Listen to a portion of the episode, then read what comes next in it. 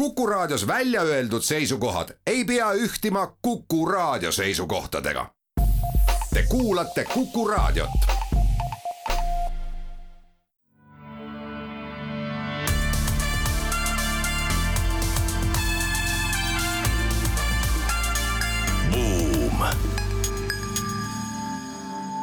tere päevast, on kolmeteistkümnes juuli kaks tuhat kakskümmend kaks, oleme taas eetris Buumi saatega, saatejuhid Anto Liivat ja Raivo Vare.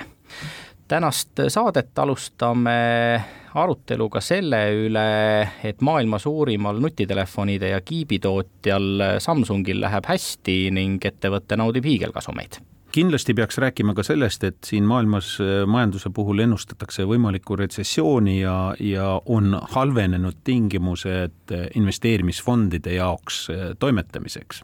Räägime ka sellest, et lennunduses on keerulised ajad, tippjuhid saavad hundipassi ning reisijad on väga rahulolematud ja kindlasti räägime ka sellest, et äh, tuleb välja, et madalamalt tasustatud tööd tegevatel inimestel on tippspetsialistidega sarnased psühholoogilised vajadused, ehk siis ei ole nii, et kui on kõrgepalgaline ja kõrge kvalifikatsiooniga inimene, siis tal on ühed vajadused ja muidu on teistsugune. pilt on hoopiski palju sarnasem, kui me endale oleme tavaliselt teadvustanud ja nagu ikka, pole tänased uudisedki valitud juhuslikult, meie saatekülaliseks on Kristel Meos, Eesti Pereettevõtjate Liidu president ning Zenith Family Office'i partner, samuti Eesti Lennundusmuuseumi nõukogu esimees. lisaks investeerimisele lennundusele räägime ka pereettevõtlusest ja nendest väljakutsetest, millega Eesti pereettevõtted silmitsi seisavad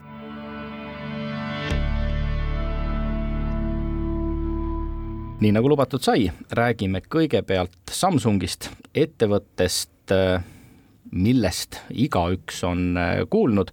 Ning kui kahe tuhande kahekümnendal aastal Samsungi aktsiahind kasvas viiskümmend protsenti, siis käesoleval äh, aastal sarnaselt paljudele teistele tehnoloogiaettevõtetele on aktsiahind pea kolmekümne protsendi võrra kukkunud.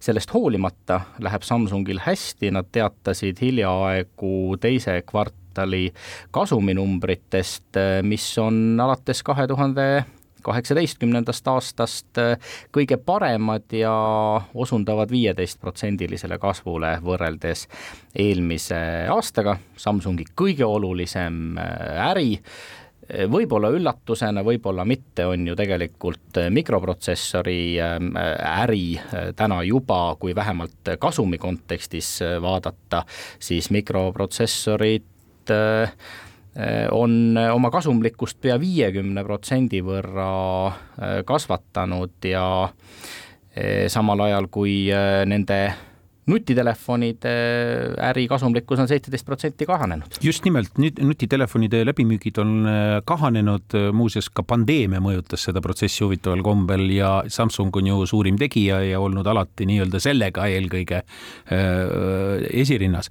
aga äh, mikroprotsessoritest tuleb rääkida eraldi, sellepärast et see on muutunud äh, väga suureks majandusliku ja ka poliitilise võitluse tandriks. ja vähetuntud fakt on, et tegelikult Lõuna-Korea ja konkreetselt Samsung on ongi tegelikult suuruselt teine mikroprotsessorite tootja ja kui Taiwan kõrvale jätta, siis ülejäänud osast, mis on siis suurusjärgus laias laastus äh, äh, kakskümmend millegiga protsenti on seitseteist protsenti on Lõuna-Korea osa, millest üks protsent on üks teine firma ja Samsung on ülejäänu. nii et see on tegelikult see tulevikumaailm, vähe sellest, Ameerika Ühendriigid on nüüd tekitanud uue olukorra enda jaoks, nad on seda analüüsinud, jõudnud järeldusele, et on vaja suurendada oma osakaalu oma territooriumi kaudu, nii-öelda jurisdiktsiooni kaudu kontrollitava mikroprotsessorite tootmise osas. see, millega seoses siis ehitatakse terve rida ka Taiwan'i firmade tehaseid Ameerika Ühendriikides, aga partnerina nad on hakanud rohkem rõhku panema just nimelt Samsungile ja Lõuna-Koreale.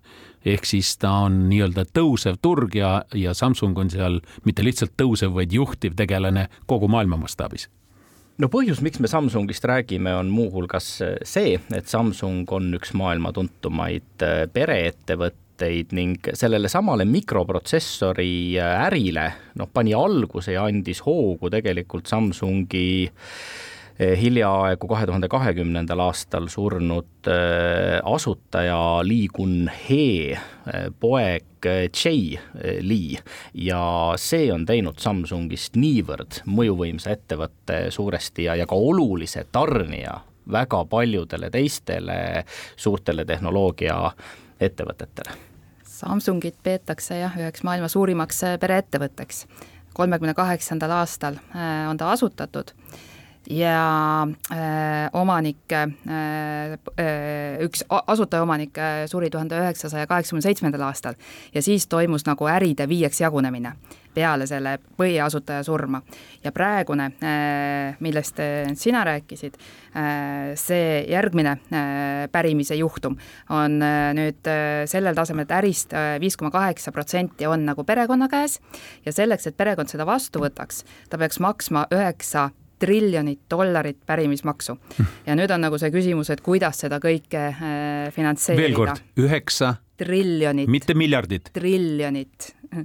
ja Samsung ise äh, on nagu ülisuur osa Lõuna-Koreast et seitseteist protsenti Samsungi tuludest äh, on võrdne Lõuna-Korea GDP-ga no igal juhul äh, kahe tuhande kahekümne esimesel aastal äh, need pärandimaksu teemad äh, ka meediast läbi käisid. Lõuna-Koreas on nimelt selline vahva süsteem, et seal on progresseeruv pärandimaks, mis suuremate summade puhul ulatubki siis viiekümne protsendini päritavast summast ja, ja ma küll jah, ei tea, kas see ära makstud on või ei, ei ole, aga aga vähemalt kahekümne esimesel aastal äh, Samsungi äh, pärijad lubasid, et nad maksavad riigile selle, selle ära, sest tegelikult äh, erinevates korruptsiooniskandaalides on ju Samsung ka räsida saanud nii eh, kahekümnendal aastal lahkunud eh, isa kui ka tema poega on süüdistatud poliitikutele, sealhulgas presidendile altkäemaksu pakkumises ja noh, Lõuna-Koreas äh, poliitiline ja, ja ärieliit on ju väga tihedalt läbi äh, põimunud, see on väga korporatiivne ühiskond, äh, Samsung annab circa viiendiku Lõuna-Korea sisemajanduse kogutoodangust ja sellised noorema põlvkonna tehnoloogiaettevõtjad on palju süüdistanud ka Lõuna-Korea valitsust selles, et tegemist on Samsungi riigiga ja, ja see igal pool ees laiutav ja kõik kõike üles ostev, kõiki patente endale ahnitsev ja kohtuvaidlusi pidav Samsung ei anna uue põlvkonna tehnoloogiaettevõtjatele võimalustki läbi lüüa no patentidest rääkides, Samsungi eduloo üheks komponendiks on olnud riigi toel teadusuuringute, teadusrakendusuuringute väga laiaulatuslik arendamine, millest vähe räägitakse, nad ei osta ainult, nad arendavad väga tõsiselt. Lõuna-Korea edulugu on ju suuresti seotud ka selle asjaoluga. Lõuna-Korea teadlaskond moodustab kolm protsenti teadlaskonnast, aga, aga patentide arvult on kolm korda kõrgem osakaalult. nii et tegu on ikkagi väga sellise äh, arenenud ühiskonnaga selles mõttes. ja Samsung on olnud seal esirinnas. nüüd, mis puudutab seda korruptsiooniteemat, siis olgem ausad, äh, Koreas on see olnud alati väga suur teema ja on seotud ka sellega, et see läbipõimumine, millele Anto viitas, on väga suur seal olnud. ja Korea arendusmudel on ju olnud Cheboli põhine ehk siis tegelikult selliste peresidemetega seotud konglomeraatide põhine ja see on olnud loomulikult ka seotud paraku ka korruptsiooni teemaga väga tihedalt. aga Korea sellega erinevalt paljudest teistest riikidest ka tõsiselt on võidelnud ja Samsung on olnud siin tõsise löögi all ja rünnaku all. nüüd tegelikult, kui nüüd võtta nii-öelda tavapärast reaktsiooni sellistele konglomeraatidele, siis ikka kiputakse neid hea meelega lõhkuma puhtalt tehniliselt. me teame antitrust seadusandluse loogikat USA-st, me teame Euroopa Liidu suhtumist suurtesse, eriti veel perekesksetemasse äh, konglomeraatidesse ja nii edasi. Äh, äh, Koreas on asutud sellele seisukohale, et see, kui neid hoida piisavalt ohjes ja kasutada ära parimad tugevad küljed nende puhul, siis, siis neid lõhkuda ei maksaks. pigem tuleb ka neid ikkagi aidata. aga aeg-ajalt siiski tuleb öelda, et kõikidest suurematest konglomeraatidest, neid on seal laias laastus neli jäänud, igast ühest on ikka tükikesi erinevatesse valdkondadesse ära hammustatud no samal ajal Samsung on väga palju suurem kui äh, number kaks ettevõte Hyundai äh, Motor. Äh, ehk no ta kipub ikka igal pool ja kõigis valdkondades laiutama, et no Samsung ei ole ju pelgalt mikrokiip. ei, üldsegi mitte, ma olen hotellis olnud, mis on Samsung, Samsungi oma Koreas, nii et täiesti võimalik ja ka kui äh, korra vaadata see pärimiste maksude teemal, see üheksa triljonit äh, dollarit on ikkagi mega suur summa, et siis äh, maailmas, mitte Lõuna-Koreas ainult, aga maailmas erinevates kohtades on siis pärimismaksude finantseerimine täitsa omaette tööstusharu. Ameerikas, Skandinaavias on sellesuunalised fondid, on spetsiaalsed laenud, on kindlustustooted, Eestis on meil küll õnneks niimoodi, et pärimismaksu sellisel kujul ei eksisteeri ja loodame, et äh, seda ei tekitatagi, et äh, tagatakse ikkagi põlvkondadeülene äh, ettevõtete haldus ja omamine ja juhtimine. aga jah, maailmas on see väga levinud tööstusharu. no olgem nüüd ausad, et kui pärandimaksud tulevad meile ja kui on ettevõtted nii suure osakaaluga nagu Samsung, siis meil tekib see probleem täpselt samuti. no eks ka Samsungi perekond plaanib Äh, pärandimaksu tasumise mitmete aastate peale ära hajutada, finantseerida seda nii dividenditulust kui väidetavasti ka täiendavatest pangalaenudest äh, ja noh, nii suurte summade puhul on see muidugi ka iseenesestmõistetav. ja osaliselt ettevõtte müügist ka. Mhm. just, just, ja ka osaluse müügist. kuulame nüüd ära kaubanduslikud teadaanded ning seejärel äh, jätkame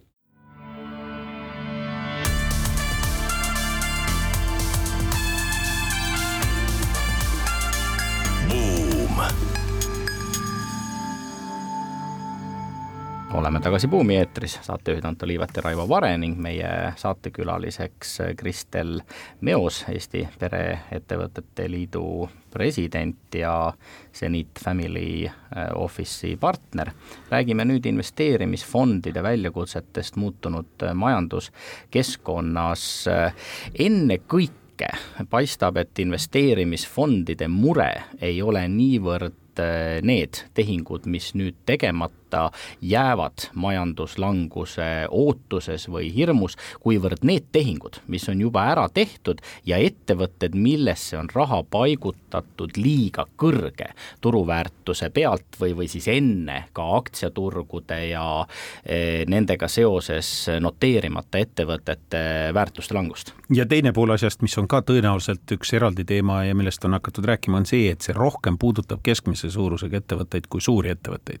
Need suured suured tehingud see on nagu omaette maailm ja seal on väga suured tegijad, seal on tihtipeale investeerimis, globaalsed investeerimispangad ja nii edasi, aga see, kus on see erakapitali ja fondide mängumaa, see on ikkagi mitte meie mõistes keskmised, vaid lääne mõistes keskmised ettevõtted. ja, ja seal on see võimendus nii-öelda teema väga suur ja väga tähtis ja praeguses olukorras just seal on see kannatamine kõige suurem, et selle kriisi ootuse tõttu. kriis on vale öelda. Äh, äh, pehme, nagu nüüd viimasel ajal on kombeks analüütikutel öelda, äh, pehme retsessioon no kriis kui selline mul lihtsalt turgatas, et me, psühholoog, kes meile viimati ühe koolituse tegi, ütles, et kriis on see, kuidas me vaatame asju enda peas et tegelikult peab selle olukorraga midagi nagu ette võtma, ega muud ei ole teha, ega olukorda, mis on nagu olnud, seda sa ei muuda. no fondide jaoks vist probleem on ka ju selles, et tihtipeale tehakse investeeringuid või, või ostetakse ettevõtteid üles äh, täiendava finantsvõimenduse või, või pangalaenu abil. Ja finantsinstitutsioonid, äh, suured pangad äh, kipuvad enam mitte nii heldekäeliselt raha välja andma jah, et üks asi on see jah, mis me vaatame, mis ettepoole võiks nagu juhtuda. et olukord on muutunud mingil määral, väljavaated on nagu pessimistlikumad, eh, tulenevalt nii inflatsiooni, eh, kõrgest inflatsioonist ülemaailmselt kui ka kõrgenenud intressitasemetest ja ootustest intressitasemete osas. ja seetõttu nagu uued tehingud, mis tulevad, tulevad nagu teistsuguste kokkulepetega ja teistsuguste tingimustega kui need, mis on olnud, aga nagu sa alguses pihta hakkasid, et eh, fondidel ehk private equity fondidel eelkõige, kes on andnud ettevõtete ülesostude finants-, finantseerimiseks äh, raha, äh, on tehtud kokkulepped selle raha saamiseks, et teatud tingimused peavad olema nagu äh, selle laenu teenindamiseks täidetud. ja kui varade väärtused kukuvad, siis need tingimused ei pruugi olla täidetud ja need ettevõtted peavad nüüd midagi täiendavat tegema. kas andma lisatagatisi, kas maksma osaliselt laenu tagasi ja, ja see võib nüüd nendel ettevõtetel olukorrad keeruliseks teha. no üks põnev väljakutse on muidugi tippjuhtide, kes peaksid ettevõtte uue strateegia ja uute omanike ambitsioonid ellu viima kompensatsioonipaketid reeglina sellistes ülesostmistehingutes polsterdatakse tippjuhte ka korralikult, nüüd aga kui tuleb asju üle vaadata, tõenäoliselt minnakse ka tippjuhtide kompensatsioonipakettide kallale, need ei pruugi enam olla nii heldekäelised, ja kui tippjuhtidest edasi rääkida, siis äh, üsna värskelt möödunud nädalal sai EasyJeti äh, pealik äh, Sule Sapp Euroopa eh, suutmata tagada eh, korralikku lendude opereerimist, noh ja lennunduses laiemalt on ju keerulised eh, ajad, SAS andis Ühendriikides sisse pankrotikaitse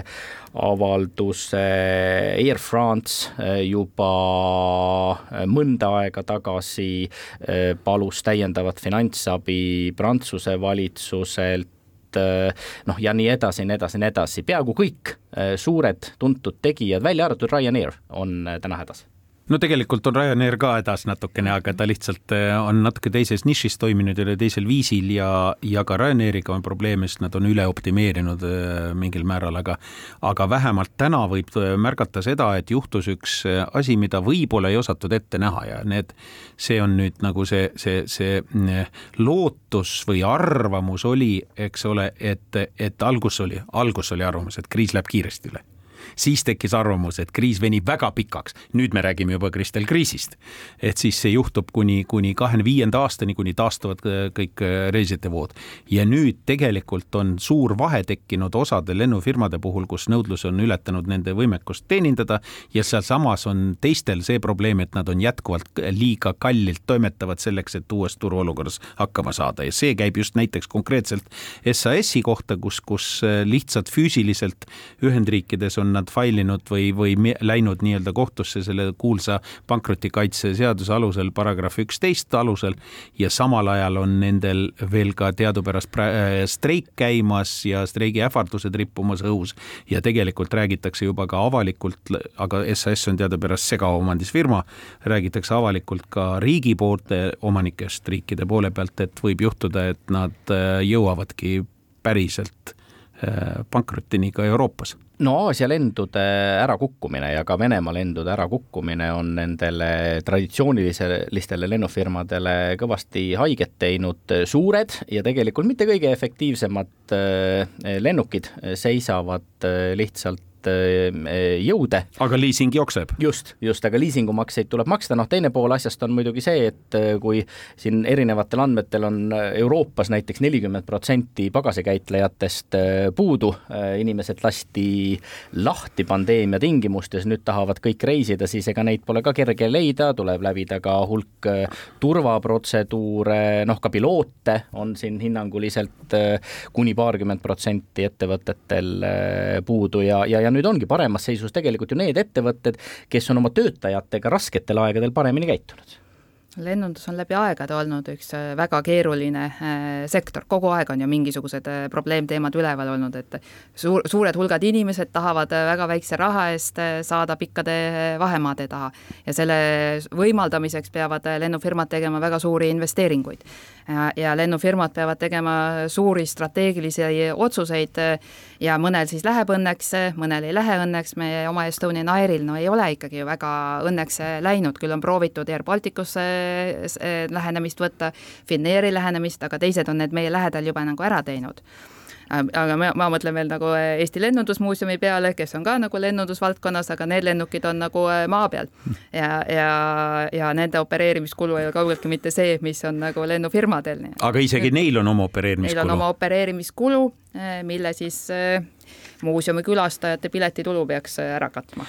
aga küllap sellised turbulentsed ajad toovad kaasa ka arenguid äh, lennunduse ärimudelites ja, ja nendel kõigil hoiame tulevikus äh, silma peal, jõuame siia rääkida ühe uudise veel sellest, et McKinsey värske uuringu andmetel on madalamalt tasustatavat tööd tegevatel inimestel sarnased psühholoogilised vajadused nagu tippspetsialistidel ja juhtidel, mis tundub ju inimlikult mitte väga üllatav, aga seda enam üllatav on, et ettevõtetes ikkagi pööratakse palju vähem tähelepanu madalamalt tasustatud inimeste psühholoogiliste vajaduste rahuldamisele.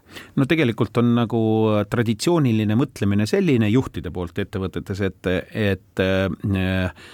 rutiinsemate ja, ja vähem kvalifikatsiooni nõudvate tegevuste puhul inimesed ei nõua nii palju vabadust, ei nõua nii palju otsustusõigust, ei, ei, neid ei huvita see väga palju, et nende ainukene nii-öelda motivaator on see, et oleks korralikult tasustatud ja kui see on korras, noh, hea küll, võib-olla mingid töötingimused veel sinna juurde, mis enam-vähem äh, oleksid rahuldavad inimese jaoks ja sellest piisav motivatsiooniks. ja nüüd McKinsey uuring näitab, et tegelikult see pilt üldsegi ei ole selline ja et väga paljudel piltlikult öeldes manuaalset, äh, tavalist, äh, mitte liiga kõrge kvalifikatsiooniga tööd tegevatel inimestel on samasugused vajadused nagu kõrge kvalifikatsiooniga inimestel ka lisaks, mitte ainult raha ja mitte ainult lihtsalt töötingimused. üleilmselt äh, kõikide tööperede lõikes on ainult circa kuusteist protsenti neid inimesi, kes ütlevad, et kõrge sissetulek on tähtsam kui huvitav töö noh, huvitav on nagu mõelda, et äh, me oleme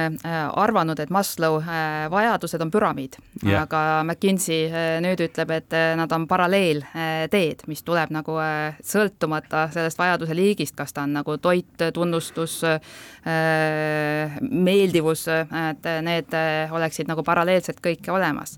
ja minu arust praegusel ajal, kui sõltumata sektorist öeldakse, et inimesi ei ole et äh, see äh, sõltumata tõesti nagu, on ta nagu äh, keeruline töö, lihtne töö, ajutöö, kätetöö, et igalt pool öeldakse, et ei ole inimesi. et see on nagu praegu väga, väga hea teema, mida üles tõsta, et sõltumata sellest inimese töö spetsiifikast, tema psühholoogilised vajadused on need, mida me peaksime esile tooma, mitte ainult nagu raha. ja vähe sellest, et puudu on nii insenere, programmeerijaid kui ka lihtsamat tööd tegevaid äh, inimesi, siis rohkem kui kunagi varem lahkuvad maailmas inimesed oma töökohtadelt vabatahtlikult ja mitte ainult need kõrgelt kvalifitseeritud spetsialistid, vaid ähm, konkurents ka tööandjate vahel on tinginud olukorra, kus inimesed ei ole oma järgmise töökoha leidmise pärast äh, enam nii väga mures jah, samal ajal võib leida ka vastupidiseid näiteid, kus näiteks äh, Tesla asutaja ja, ja õigemini ta ei olnud asutaja, aga ta on nii-öelda juht ja nägu. Elon Musk kuulutas välja seoses eel, ettenähtava, tema poolt ettenähtava retsessiooni tulekuga kuulutas välja kolmeprotsendilise ähm, töötajaskonna vallandamise selleks, et kokku hoida ja see tekitas küll väga suuri laineid, nii et ei saa öelda, et, et inimesed vabatahtlikult alati ära tahavad minna ja see ei olnud seotud ainult sellega, et taheti seal nii-öelda Teslas olevaid töötingimusi, seal on karmid töötingimused muuseas. mõneti on nad ka väga head sotsiaalsed tingimused, samas töötempo ja efektiivsusele tagaajamine on seal väga kõrgele viidud. et nad sealt nüüd nii sellepärast eh, ei tahtnud ära minna, aga oli ka teisi motivatsioone, miks nad ei taha ära minna McKinsey artiklile ja uuringule viitame ka oma Facebooki lehel, sealhulgas soovitustele, mida siis ikkagi juhid võiksid selleks teha, et kõigi tööperede psühholoogilised vajadused oleksid rahuldatud ja inimesed väiksema tõenäosusega ettevõttest lahkuksid. nüüd aga kuulame taas ära kaubanduslikud teadaanded.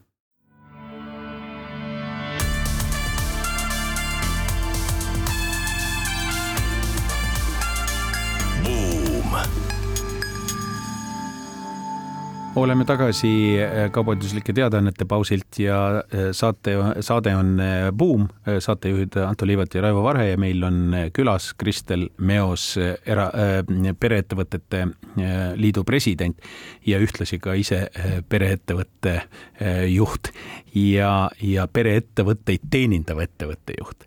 Aga sellepärast me hakkamegi nüüd rääkima pereettevõtetest ja sellega seotud probleemidest ja kuna me lõpetasime eelmise ploki sellega, kuidas on motivatsiooniprobleemid väga olulised, siis pereettevõtetes peaks ju ometi olema mõneti lihtsam, sellepärast et eh, väga paljud sellised, vähemalt osa töötajaskonna jaoks väga paljud motivaatorid ei peaks olema teemaks, tegu on ju pereettevõttega, mitte börsiettevõttega või, või mingisuguse abstraktse omanikuga seotud ettevõttega. kas on nii, Kristel?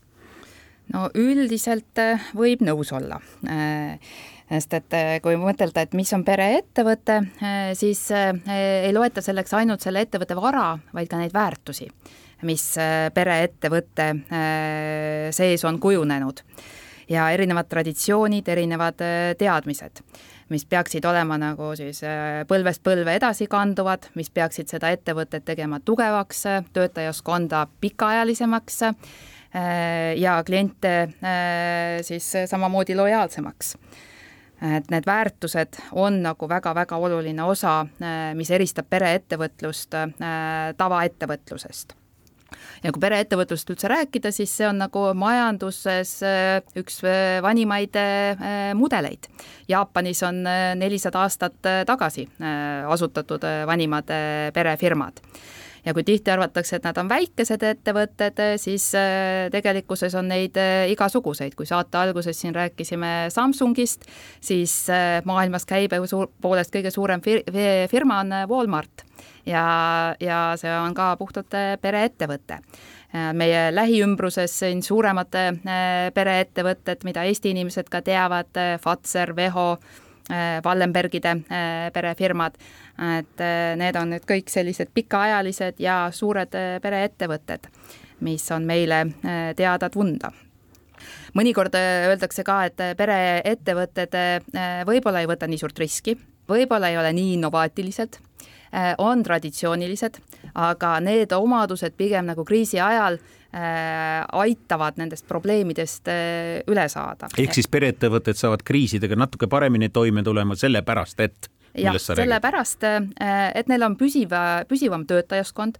nad üldiselt võtavad vähem riske nagu finantsiliselt, äh, vähem laenukapitali äh, on neile kasutatud ja nad on nagu orienteeritud pikaajalisel, nad ei pea iga kvartal raporteerima börsile, kui nad ei ole börsiettevõtted, aga nad võivad olla ka börsiettevõtted. Äh, ja, ja nad ikkagi vaatavad seda pikka pilti, et kuidas see ettevõte võiks minna järeltulevale põlvkonnale üle ja mida ta ka ühiskonnale äh, tähendab. no tegelikult see kvartalikapitalismi probleem on ikkagi pereettevõtete puhul palju väiksem kui teiste ettevõtete puhul täiesti ja. loomulikul viisil, aga samas on ju ka uuritud, et ega nad on ikkagi kogu aeg samuti muutumises, sest noh, ma mäletan, äh, Kits de Vries oli ta vist, oli ta nimi, tuntud teoreetik, kes, kes uuris Fortune viiesaja ettevõtteid ja uuris ka pereettevõtteid ettevõtted ja tal tuli välja, et isegi need äh, kahesaja-aastased pereettevõtted, eelkõige Saksamaalt, Kesk-Euroopast, mida ta uuris, ja Hollandist ja sealt, eks ole, need olid tegelikult iga viiekümne aasta tagant siiski muutunud. nimi on sama, isegi omand väga tihtipeale polnud seal muutunud, aga muutus ettevõtte profiil, muutus, laienes või kitsenes või muutus,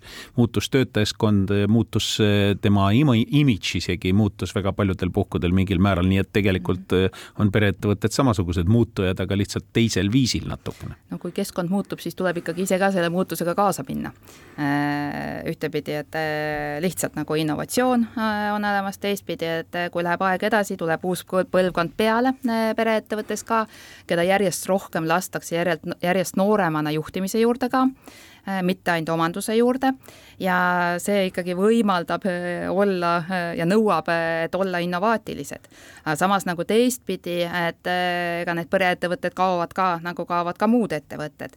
et üks teise põlvkonnale lähevad üle ainult kuskil pooled pereettevõtetest ja kuskil neljandasse põlvkonda jõuab vast umbes kümme protsenti pereettevõtetest. kui aluseks on sada, esimene, esimene põlvkond on sada, teises põlvkonnas pooled ja. ettevõtted enam ja. ei ole pere käes ja, ja siis neljandaks põlvkonnaks hea, kui kümnendik on.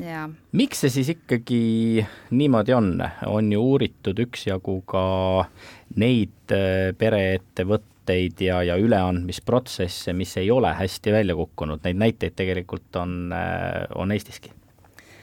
no näiteid on nagu, no üks asi on nagu see, et pereettevõtte üleandmine on üks öö, äh, protsess millega öeldakse, et kui sa veel praegu pole tegelema hakanud, hakanud, sa oled nagunii hiljaks jäänud ehk et sul peab olema nagu kellele üle anda, sul peab olema üleandja äh, oma soovidega ja vastuvõtja äh, oma soovidega, see on kaks poolt. Äh, sul peab olema nagu kompetents ja haridus ja tahtmine seda ei pruugi alati olla, isegi kui esimene põlvkond, kes on ettevõtte asutanud, seda väga-väga tahab.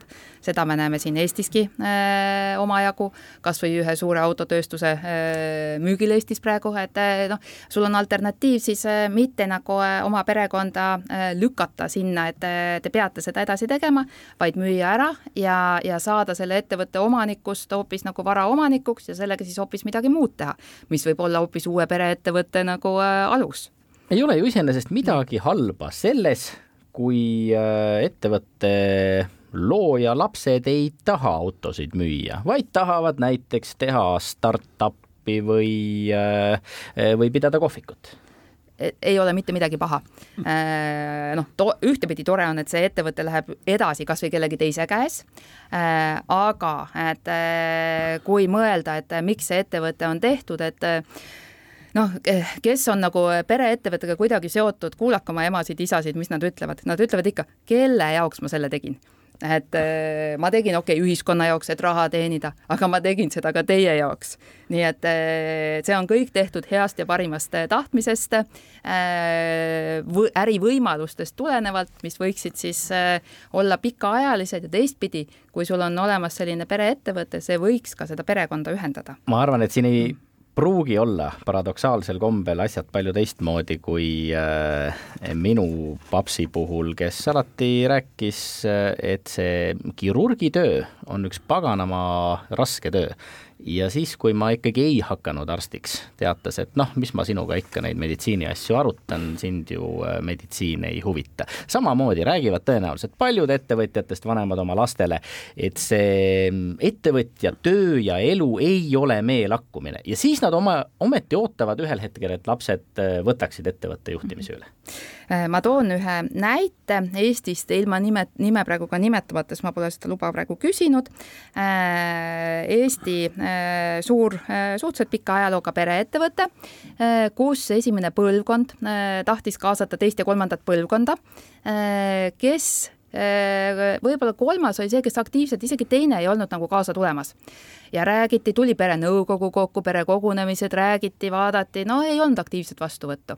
ja siis äh, härra, esimese põlvkonna esindaja, keda kahjuks meie hulgas praegu enam ei ole, ta keeras selle teistpidi. ta ütles, aga tunnetage nüüd ja mõelge, kui seda ettevõtet meie perel ei ole, mis siis saab? ja ta ütles, et see oli murdekoht et eh, siis hakati mõtlema, hakati nagu panustama, igaüks otsis oma kohta. Eh, need kohad võivad väga erinevad olla, et iga inimene ongi nagu erinev ja, ja see, et kui mul seda ei ole, teistpidi keerata, eh, see võib olla mõnikord mõjus koht aga mina olen tähele pannud siin erinevaid autobiograafiaid ja biograafiaid lugedes ettevõtjate puhul, et väga tihti just pereettevõtete puhul, et rahvusvaheliselt, et seal on see komme, et võetakse lapsed või lapselapsed ja hakatakse neid tasapisi nii-öelda harjutama harjutama.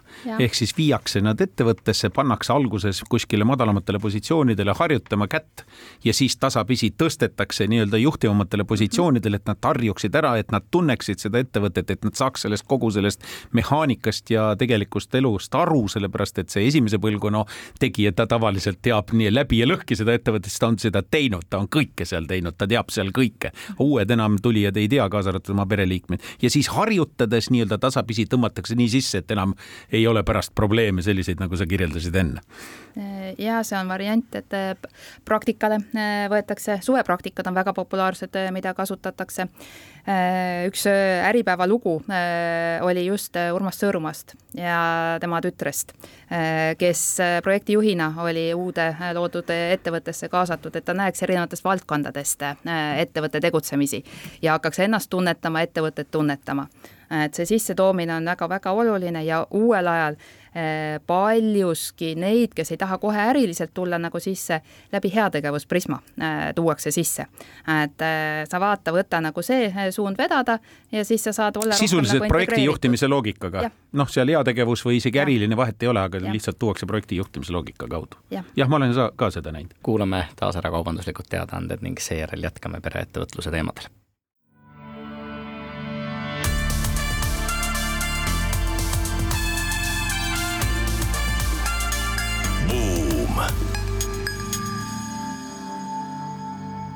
oleme tagasi Buumi eetris, saatejuhid Anto Liivet ja Raivo Vare ning meie tänaseks saatekülaliseks on Eesti Pereettevõtete Liidu president Kristel Meos ning räägimegi nüüd pisut äh, Pereettevõtete Liidust ja siis sellest, äh, kuidas ikkagi pereettevõtet järgmisele põlvkonnale üle anda nii, et tühjast ei sünniks äh, tüli. ja et seejuures vältida nõndanimetatud patriarhi probleemi, kus tegelikult see ainuasutaja jääb lihtsalt ajale jalgu, aga ta on veel piisavalt heas vormis oma arust, et loovutada veel neid positsioone, isegi olles mõtteliselt valmis, aga mitte veel. ja see kaotatakse õige aeg ja siis on juba hilja ehk siis Kristel, milleks ikkagi on loodud pereettevõtete liit ja, ja kuidas te pereettevõtjaid aitate, toetate? Eesti Pereettevõtjate Liit asutati kuskil seitse, kaheksa aastat tagasi nüüdseks ja see oli täiesti äh, loomulik äh, asjade käik. ja see loomulik sellepärast, et äh, Eesti ettevõtluse ajalugu on olnud juba circa kolmkümmend aastat ja esimene põlvkond, kes on ettevõtted asutanud, on ise jõudnud sellesse vanusesse, et tema teine põlvkond on peadkandev, teda on juba kaasatud ja ta võiks olla valmis selleks, et hakkab toimuma põlvkonna äh, ja äh, selle pinnalt äh, üks äh, kaheksa aastat tagasi äh, sai välja käidud idee, et äh, loome Eesti äh, Pereettevõtjate Liidu ja koondus üks kolmkümmend, nelikümmend äh, eraisikut, kes äh, koheselt tunnetasid, et see on nagu aktuaalne teema nad olid äh, nii esimese kui teise põlvkonna esindajad, äh, kes koondusid. Ja praeguseks on Pereettevõtjate Liit kasvanud kuskil sada kakskümmend eraisikut. Ja missiooniks ongi see, et toetada pereettevõtete põlvkondade ülest arengut ja jätkusuutlikkust näited, kes on nagu Pereettevõtjate Liidu liikmed, pere, perekonnad, kes esindavad selliseid firmasid nagu Alexela Grupp, BLRT Grupp, Äh, Ideal, äh, Mootor Grupp, MV Vool või Sangar, Infotar, Kaamos Grupp, et äh, sellised väga tuntud kaubamärgid Eestis ja väga südamega pereettevõtluse juures olevad ettevõtjad, kellel on kaasatud siis kõige rohkem põlvkondi on neli põlvkonda Äh, praeguseks, et noh, see neljas on ikka väga väike, aga äh, nagu öeldakse, et äh, pereettevõtluse üleandmine on protsess, millega tuleb hakata pihta juba nagu siis, kui sa olemas saad olema, et neli põlvkonda on jah, meil mõned varas lapsepõlvest tuleb alustada juba, jah? jaa. no Euroopas on tehtud statistikat, palju on pereettevõtteid Euroopa statistika näitab, et äh, Eestis on kõige rohkem, üheksakümmend protsenti. Äh, Eesti ettevõtetest on pereettevõtted. Statistika on nagu ta on, et ühtset definitsiooni Euroopas statistika kogumisel ei ole. Aga noh, Eestis kindlasti see osaühingu kasutamine on nagu soodustanud seda, et on nagu väga palju ettevõtlust erinevates vormides ja mida see Pereettevõtjate Liit teeb? Äh, põhirõhk on meil suunatud koolitusele ja kogemuste jagamisele äh, ja kõik teemadel, mis on siis äh, pereettevõtlusega seotud. on nagu üldiseid teemasid, me räägime paar korda aastas erinevad perede, pereettevõtete lood omakeskis läbi. see on case study põhimõtteliselt? Case study põhiselt. järgmine lugu näiteks, meil on järgmine nädalavahetus perekond Ross, kes on büroomaailma omanikud räägivad oma äh, perelugu äh, läbi perekonna ja läbi siis oma ettevõtte asutamise, loomise, rõõmude ja valude prisma. ja need on kõige populaarsemad asjad, mis meil nagu olemas on. siis on teil pereettevõtluse käsiraamat, ma tean. jaa, pereettevõtluse käsiraamat, teine trükk on nagu välja antud mis on selline õpetlik lugu, me mõtlesime alguses tõlkida midagi, otsisime ja otsisime ja ei leidnud ja lõpuks siis härra Arumäe võttis ja kirjutas. aga see on nagu teooria paljuski, äh, lugusid sinna väga palju sisse ei saanud panna, sest meie Eesti inimesed ütlesid, et lood ei ole valmis. Et äh, noh, kui võib-olla nüüd nagu uus trükk teha, äkki siis nüüd hakkab saama, sest et äh, on toimunud juba põlvkondade vahetust, mitte pärimist otseselt, aga nii juhtimise kui omandi üleandmist ja kui kogemuse juurde, kogemuse jagamise korra tagasi tulla, et hästi oluline on nagu välismaa kogemuse sissetoomine. et äh, üks põnev lugu, mida me oleme siin nagu ise omakeskis kuulanud, on äh, Pauligi äh, perelugu kus siis on näidatud, kus üks kuues-seitsmes põlvkond omab perefirmat, kus on olnud kõike nagu rõõme, on olnud probleeme, kuidas neist on üle saadud, et noh, need on need asjad, mis meid nagu kuskil nagu ees ootavad. Neid on ka hea teada aga mis me nagu äh, äh, veel, veel teeme, on nagu äh, ja mis eristab teistest erinevatest klubidest ja seltsidest, on see, et meil on erinevad põlvkonnad. palju asju on nagu kõigile, aga on niinimetatud next generation, me ise nimetame järgmiseks põlvkonnaks, kes on siis nagu tegusad, kolmkümmend, nelikümmend aastat vanuses inimesed, kes on juba nagu sellises vähemalt juhtimise rollis, neile suunatud üritusi, palju oleme, midagi oleme teinud ka koos Soome ja Rootsiga ja siis, mis on nagu väga eriline, on see tulevase põlvkonna äh, ettevalmistus küll on näitlejameisterlikkuse kursused, söömisetiketi eh, kursused, aga läbi just selle prisma, et eh, mida sa üheskoos oma perega ja, ja oma pereettevõttega nagu võiksid nagu ka teha ja mis on sul seal oluline. aga kuidas saaks kooskõlastada seda peresisest nii-öelda kliimat ja arusaamist ja nägemust ja, ja, ja võib-olla ka ühist eesmärgi seadmist ja ka mängureegleid, kuidas asjad üle lähevad? kas peab mingi konstitutsiooni kirjutama, nagu riigid teevad või? Eh, ideaalis jah aga noh, ideaalselt selliseid olukordi on vähe äh, ehk et Eestis äh, äh, mõned perekonnad on teinud oma perekonna konstitutsiooni või harta või põhikirja, erinevalt võib seda nimetada. näited sellistest perekondadest, perekond Isok, Avise kaubamärgi esindajad või perekond Tammod, kes on avalikult ka välja öelnud, et nemad on teinud, või perekond Jõelehed et, et see on nagu see omamoodi nagu dokument, mis on olemas, aga jällegi nagu dokument on lõpp-punkt, äh, teekond ehk protsess, kuidas sinna jõuda, on väga oluline.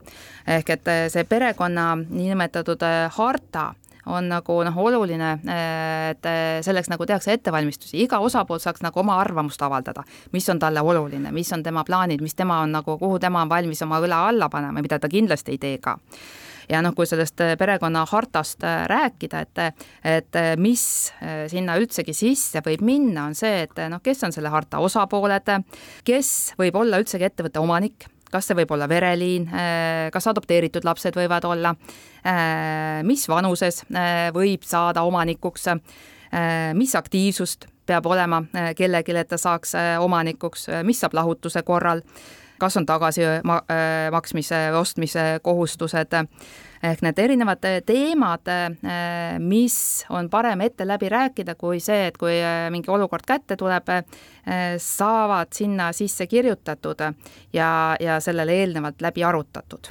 millistel tingimustel on võimalik Pereettevõtjate Liiduga liituda, kui nüüd keegi raadiokuulajatest peaks soovima seda teha? pereettevõtja ettevõtja definitsioon kõigepealt, me oleme nagu mõelnud, et kas me Eestis tahaksime jälle midagi erilist teha sellest, mis on Euroopas, aga Euroopa definitsioon, mida me oleme leidnud, et sobib väga hästi ka meile, on see, et pereettevõt-, võtja on see, kui äh, häälte enamus äh, pereettevõttel on pere käes ehk et üle viiekümne protsendi otsustusõigusest on perekonna käes ja börsiettevõtte puhul kahekümne viie protsendi juures on see lävi. ja vähemalt üks pere esindaja osaleb ka juhtimises. ehk et see on nagu see, et siis sa võiksid ennast tunnetada pereettevõtjana. ja siis kirjutab teile avalduse ja Avaldus, siis te otsustate? soovitajad siis me kutsume mm -hmm. teda tutvuma äh, ja, ja siis tuleb otsus. suur aitäh, äh, Kristel Meos, Eesti Pereettevõtjate Liidu president ja Zenit Family Office partner meile Buumi saatesse külaliseks tulemast. soovime Pereettevõtjate Liidule tuult tiibadesse ja palju edu, äh, et ka edaspidi tõhusalt aitaksite ettevõtlikes perekondades konflikte vältida ning Äh, kaasa sellele, et Eesti ettevõtted äh, oleksid järjest paremini juhitud ja järjest paremad äh, töökohad järjest enamatele inimestele. seda enam, et suurem osa Eesti ettevõtetest ka jätkuvalt saavad olema pereettevõtted. aitäh ja omalt poolt ma ütleks, et eh, jah, uurige, millega Pereettevõtjate Liit tegeleb. Eh, kui liikmeks ei hakka, eh, arutage oma pereringis teemasid, mis teie pereettevõtted võiksid edasi kanda ja pere koos hoida. ja er-, ergita, ergutage oma pereliikmeid diskussioonile. ja väike reklaam veel lõppu, et Äripäev on korraldamas koos Pereettevõtjate Liiduga kakskümmend kuus august esimest pereettevõtluse aasta seminari meiega Buumi saatega oleme eetris juba täpselt nädala pärast, siis uued külalised ja uued teemad. seniks ilusat suve jätku ja kuulmiseni